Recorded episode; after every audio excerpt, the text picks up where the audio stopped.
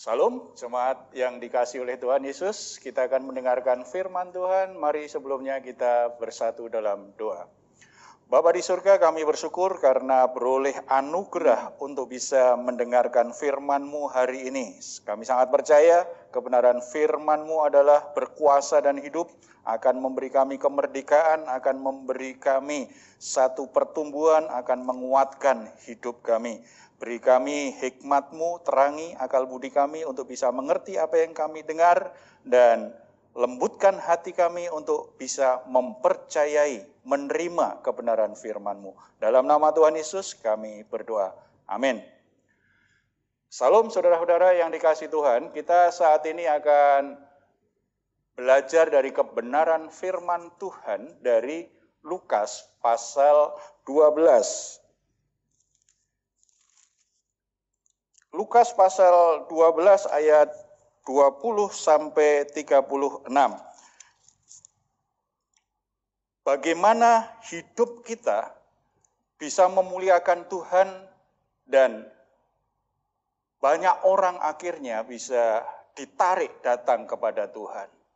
Saudara-saudara, setiap kita dipanggil Tuhan untuk membawa pengaruh yang baik, pengaruh kebenaran, pengaruh kerajaan Allah bagi dunia ini.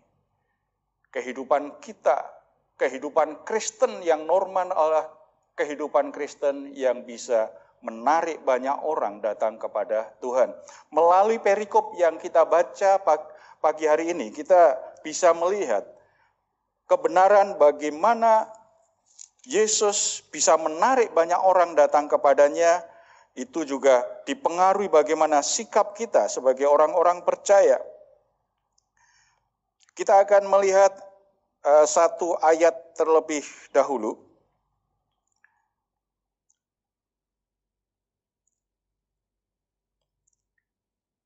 Ayat 32 dikatakan di sana seperti ini.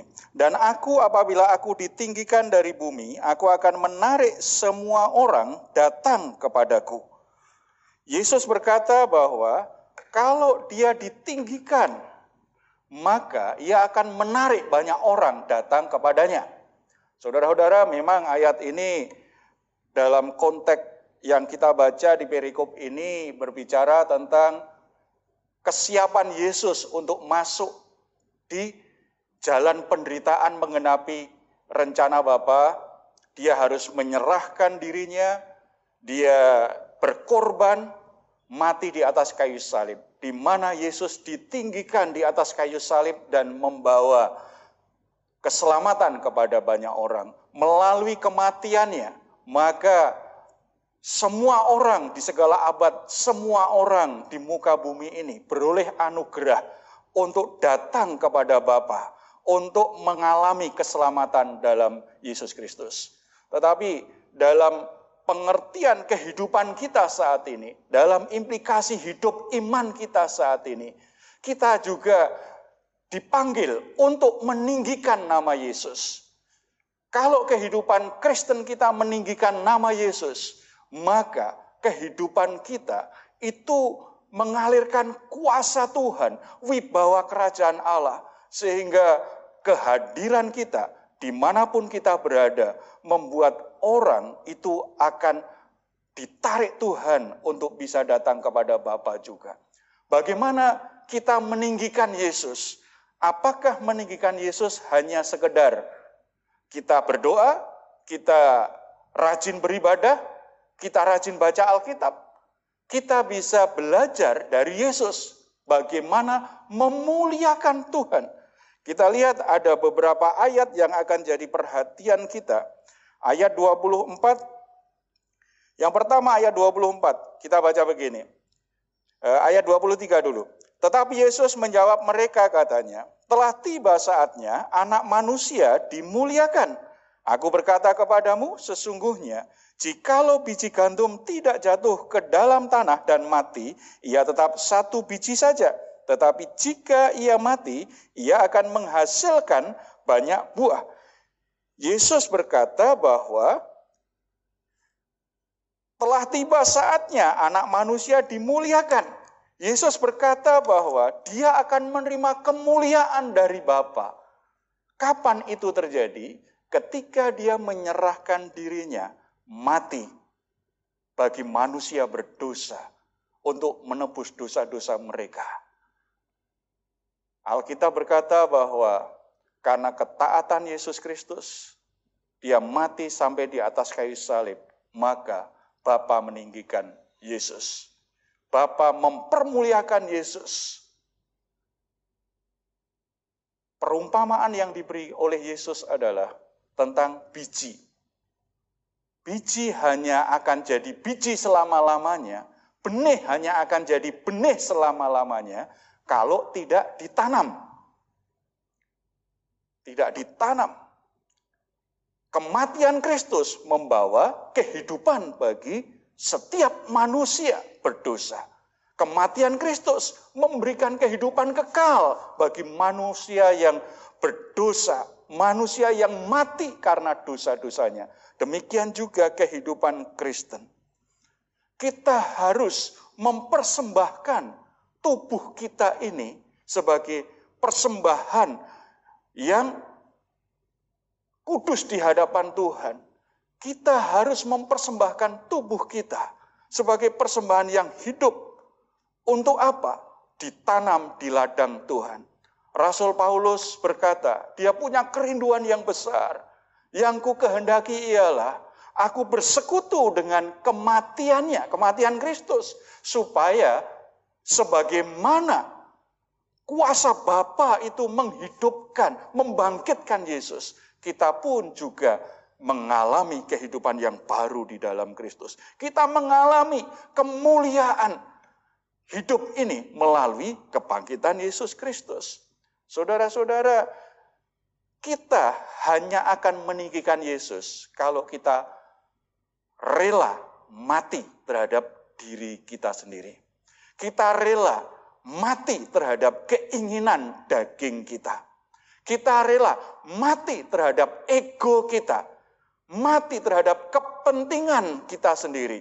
Mati terhadap ambisi pribadi. Demi hidup untuk Kristus. Kita hanya bisa meninggikan Kristus kalau kita rela menyangkal diri. Ini yang dikatakan Yesus di ayat yang lain. Hanya orang yang mau menyangkal dirinya. Hanya orang yang mau memikul salibnya yang layak menjadi murid-muridku. Kita hanya bisa meninggikan Yesus kalau kita rela menyangkal diri dan hidup bagi Kristus. Mati terhadap ambisi pribadi dan hidup terhadap rencana Allah yang mulia. Mati terhadap keinginan daging dan hidup terhadap keinginan roh yang memimpin kita. Ini perjuangan yang sulit pasti. Karena setiap kita punya keinginan. Setiap kita punya obsesi, punya mimpi, punya ambisi. Tetapi kalau kita sungguh-sungguh ingin meninggikan Yesus Kristus, kita harus rela melepasnya dan menggantikannya dengan impian Tuhan, dengan keinginan Tuhan, dengan kebenaran Tuhan. Kalau kita rela mati terhadap diri sendiri dan hidup bagi Kristus, maka kehidupan kita tidak pernah sia-sia.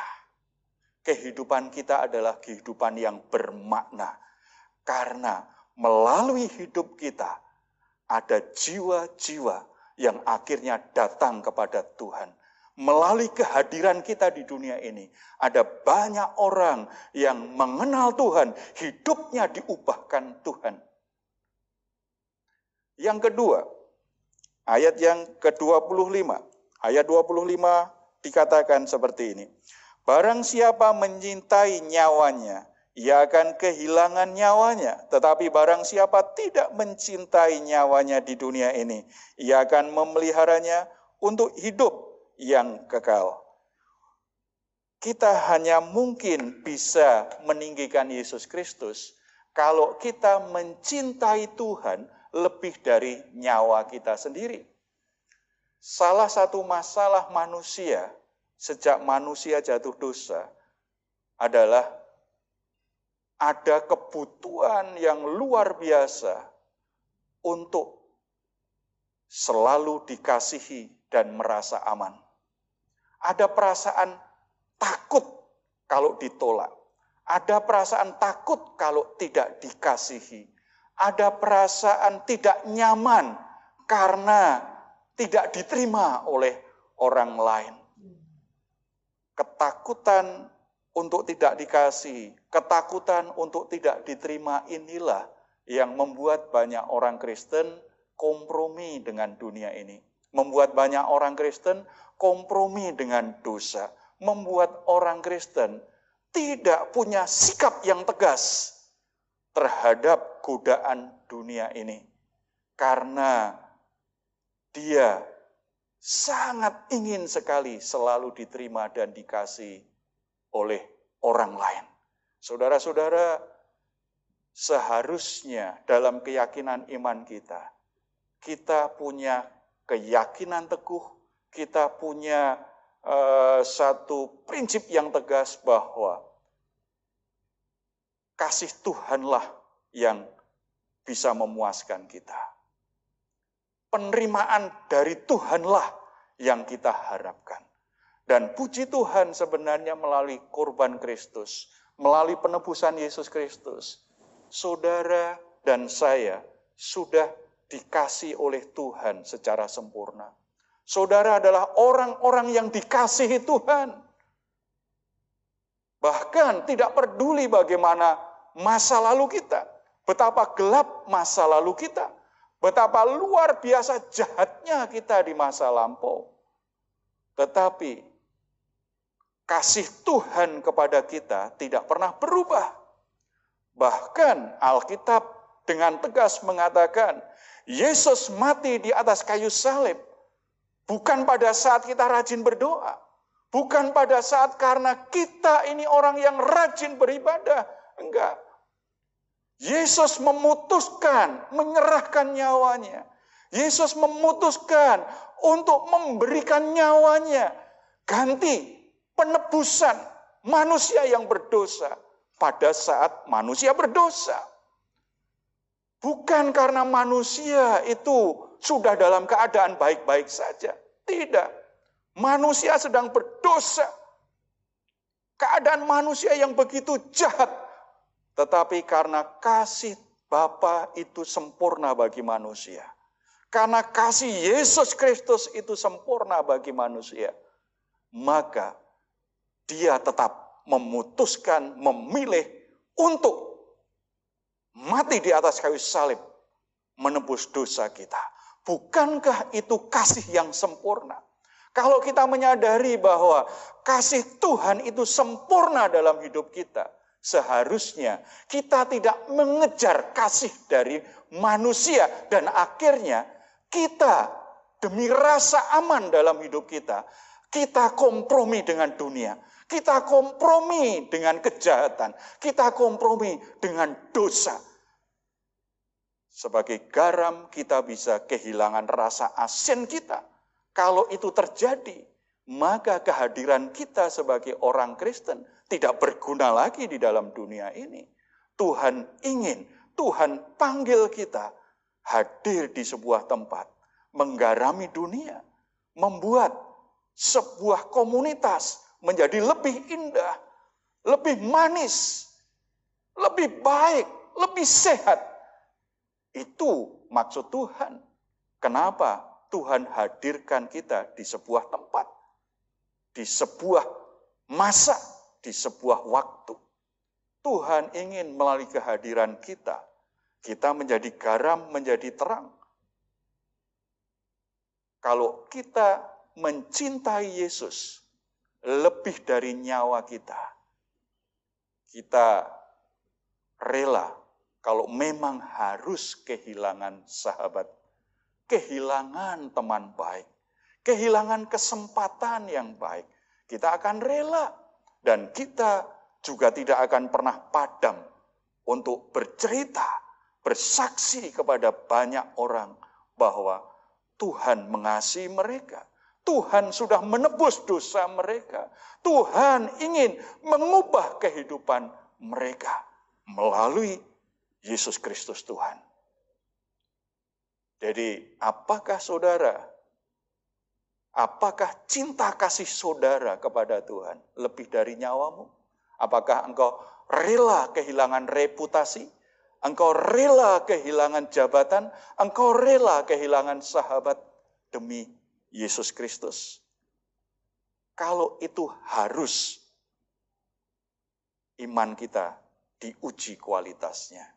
Tetapi kalau akhirnya kita berani melewati semuanya, kita sedang meninggikan Yesus Kristus, maka Tuhan akan menarik orang-orang itu datang kepada Dia.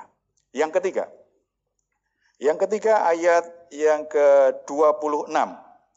Barang siapa melayani aku, ia harus mengikut aku. Dan di mana aku berada, di situ pun pelayanan pelayanku akan berada. Barang siapa melayani aku, ia akan dihormati Bapa. Bagaimana kita meninggikan Yesus? Tadi yang pertama kita sudah belajar meninggikan Yesus. Berarti kita harus rela mematikan keinginan daging kita, mematikan ambisi dan ego kita, dan hidup bagi Tuhan, bagi kerajaan Allah, bagi rencananya yang mulia dalam hidup kita. Yang kedua, kita mencintai Tuhan lebih dari nyawa kita kita akan terus bersaksi, kita akan terus menyatakan iman kita apa pun yang terjadi, kita akan setia, kita akan berdedikasi, kita akan terus memegang teguh kebenaran firman Tuhan. Yang ketiga, meninggikan Yesus. Caranya bagaimana? Melayani Tuhan. Melayani Tuhan. Saudara-saudara, kita mempersembahkan hidup kita untuk melayani Tuhan. Melayani Tuhan mungkin di gereja bisa dengan berbagai macam cara. Kita bisa jadi penata layanan gereja, kita bisa jadi pembimbing anak-anak, pembimbing pemuda remaja, kita bisa uh, memimpin renungan, kita bisa memimpin pujian. Tetapi bisa juga kita melayani seseorang secara langsung. Misalnya mendoakan orang sakit, membimbing orang untuk kembali ke jalan yang benar membimbing orang untuk bisa mengerti firman Tuhan, membimbing orang untuk bisa mengenal Tuhan. Saudara-saudara, meninggikan Yesus berarti melayani Yesus. Dengan banyak hal. Di gereja mungkin ada batasnya. Karena pelayanan gereja sudah diatur sedemikian rupa. Dan kalau yang terlibat pelayanan cukup banyak, akhirnya kita harus antri, ada jadwalnya. Tetapi kalau kita tidak dijadwal pelayanan di gereja, apakah kita nggak melayani Tuhan? Oh harus terus melayani Tuhan. Karena pelayanan Tuhan tadi yang saya bilang bisa semuanya diwadahi di gereja, dikoordinir pelayanan gerejawi atau bisa juga kita lakukan secara pribadi. Kita punya teman, kita punya tetangga, kita ketemu dengan banyak orang. Sebenarnya kita bisa melayani mereka. Melalui apa? Kerelaan kita untuk dipakai Tuhan. Mungkin kita memberi semangat kepada mereka. Kita memberikan uh, nasihat kepada mereka. Kita memberikan uh, solusi kepada mereka sesuai dengan kebenaran firman Tuhan. Intinya melayani Tuhan adalah kita hadir dalam hidup orang lain sehingga orang lain itu kebutuhannya untuk mengenal Tuhan, kebutuhannya untuk mengerti kebenaran Tuhan, kebutuhannya untuk mengalami kasih dan kebenaran Tuhan, mengalami kuasa Tuhan, itu mereka bisa alami, mereka bisa terima karena kita beri diri untuk dipakai oleh Tuhan. Saudara-saudara, semakin kita giat melayani Tuhan, kita semakin meninggikan Kristus. Jadi pusat dari pelayanan kita bukan aktivitas. Pusat pelayanan kita itu bukan gereja kita. Pusat pelayanan itu bukan kelompok kita. Pusat pelayanan, tujuan pelayanan adalah Yesus Kristus. Melalui semua pelayanan kita, apa pun yang kita lakukan, tujuannya satu. Nama Yesus ditinggikan. Nama Yesus dikenal oleh banyak orang. Nama Yesus akhirnya dipuji dan dicintai oleh banyak orang. Itulah pusat dan tujuan satu pelayanan. Makanya tadi di ayat 26 tadi Yesus berkata tidak hanya barang siapa melayani aku. Tetapi dia juga berkata ia harus mengikuti aku dan ke mana pun aku berada, di situ pelayanku akan berada. Ini bagian yang sangat penting sekali bagi para pelayan Tuhan, bagi orang-orang yang melayani Tuhan. Kita tidak boleh melayani itu semau-mau kita. Kita tidak boleh melayani itu hanya untuk memuaskan diri kita, hanya untuk membuat supaya kita senang. Kita harus sudah melewati saat melayani itu bukan sekedar untuk aktualisasi diri. Supaya kita bisa tampil. Supaya kita kelihatan di depan orang lain. Tidak.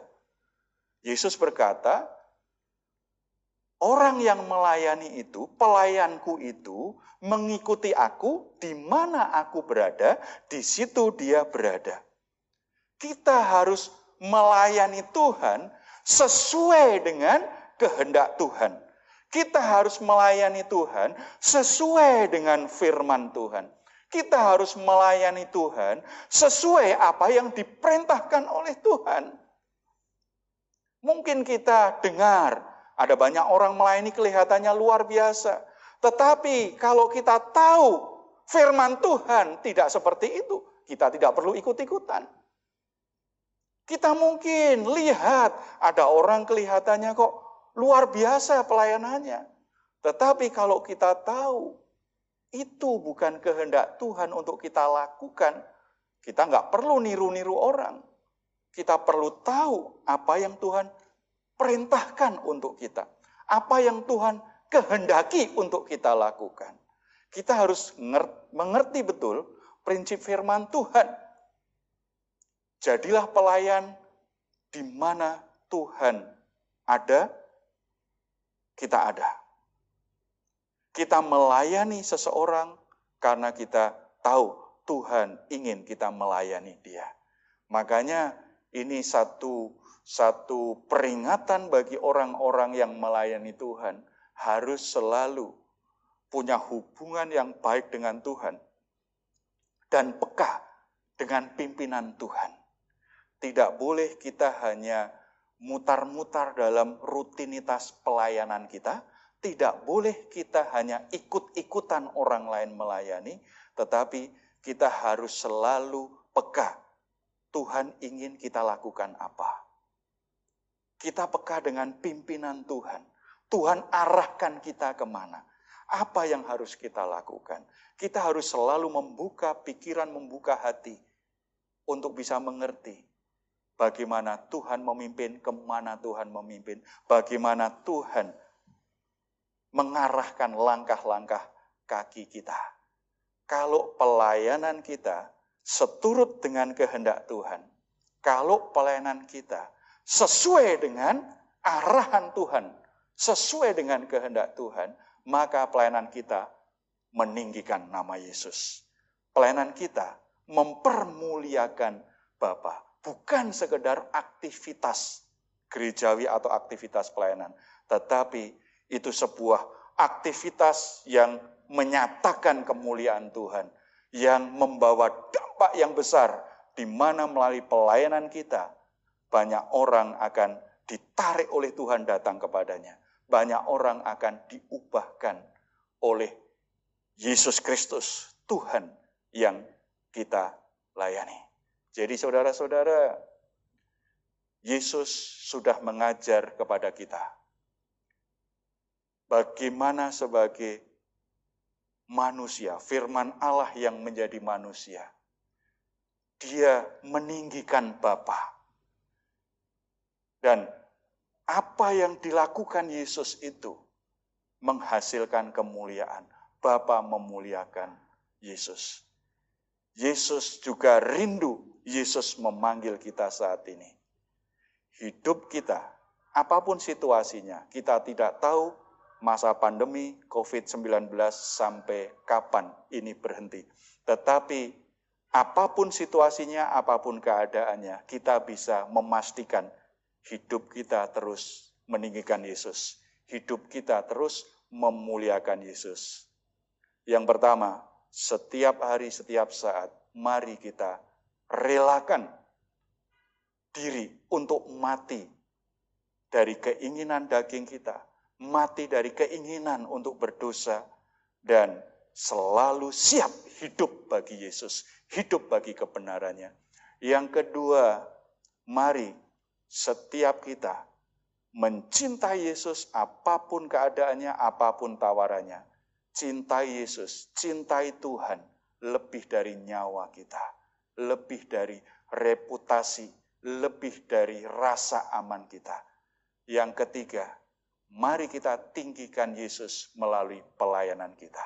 Jangan jadikan pelayanan sekedar aktualisasi diri, sekedar memuaskan diri sendiri, tetapi kita melayani karena kita tahu Yesus yang menyuruh kita melakukannya, Yesus yang memakai kita untuk melakukannya, Yesus yang menghendaki kita lakukan pelayanan tersebut. Terpuji namamu, Tuhan Yesus Kristus yang kami sembah. Mari Bapa di surga, kita kita berdoa bersama-sama, saudara-saudara. Bapa di surga, kami bersyukur untuk waktu ini biarlah Roh Kudus terus mengajarkan kepada kami kebenaran firman Tuhan ini. Alasan yang jelas kenapa Tuhan masih izinkan kami hidup sampai saat ini. Melewati situasi yang sulit, masa-masa pandemi COVID-19 yang cukup panjang ini, Tuhan masih beri kami kesempatan hidup, masih beri kami kesempatan untuk bisa beribadah, untuk bisa menjalani hari-hari kami dengan baik. Kami tahu ini bukan sekedar berkat, bukan sekedar perlindungan Tuhan, tetapi ini membuktikan bahwa Tuhan masih punya rencana atas hidup kami. Dan terima kasih firman Tuhan sudah mengingatkan kami. Alasan kami hidup sampai saat ini adalah supaya kami masih bisa meninggikan nama Yesus Kristus. Bapak ajar kami Beri kuasa rohmu supaya setiap hari kami bisa mematikan keinginan daging kami dan hidup oleh kehendak roh kudus. Bapa di surga beri kami keberanian untuk mencintaimu lebih daripada diri kami sendiri, lebih dari nyawa kami sendiri. Tolong kami untuk rela menyangkal diri. Ada kalanya ketika kami ingin setia, berkomitmen kepada Tuhan, kami harus menghadapi situasi sulit. Reputasi kami dipertaruhkan. Banyak kesempatan-kesempatan yang nyaman bisa kami nikmati, itu dipertaruhkan. Tapi biarlah oleh Roh Kudus kami semua diberi kekuatan hati dan keberanian untuk lebih mencintai Tuhan lebih dari apa pun juga. Kami bersyukur karena selama ini Tuhan beri kami anugerah, kesempatan, kehormatan untuk bisa melayani Tuhan. Tuhan menilai bagaimana hati kami ketika melayani. Kerinduan kami selalu, setiap pelayanan kami baik di gereja maupun pelayanan-pelayanan kami cara pribadi di masyarakat. Apa pun yang kami lakukan, kami melayani karena kami mencintai Tuhan. Kami melayani karena kami ingin meninggikan Tuhan. Kami melayani karena kami ingin semua orang yang kami kenal bisa mengalami perjumpaan pribadi dengan Tuhan. Diubahkan hidupnya oleh kasih dan kebenaran firman Tuhan. Tuhan arahkan langkah kami, pimpin kami. Baik di rumah, di tempat pekerjaan, di gereja, maupun di mana saja kami berada. Itu menjadi kesempatan bagi kami untuk Tuhan pakai. Bisa melayani Tuhan melalui kerelaan kami dipakai Tuhan melayani orang-orang di sekitar kami. Berikan hikmat kuasa roh kudus untuk bisa terus melakukannya. Dalam segala sesuatu yang kami hidupi, kami jalani, kerinduan kami adalah nama Yesus Kristus Tuhan dimuliakan dalam hidup kami. Dan kami percaya melalui kehidupan seperti ini, nama Tuhan dimuliakan, hidup kami mendatangkan kemuliaan bagi nama Tuhan. Terpuji namamu dalam nama Tuhan Yesus Kristus.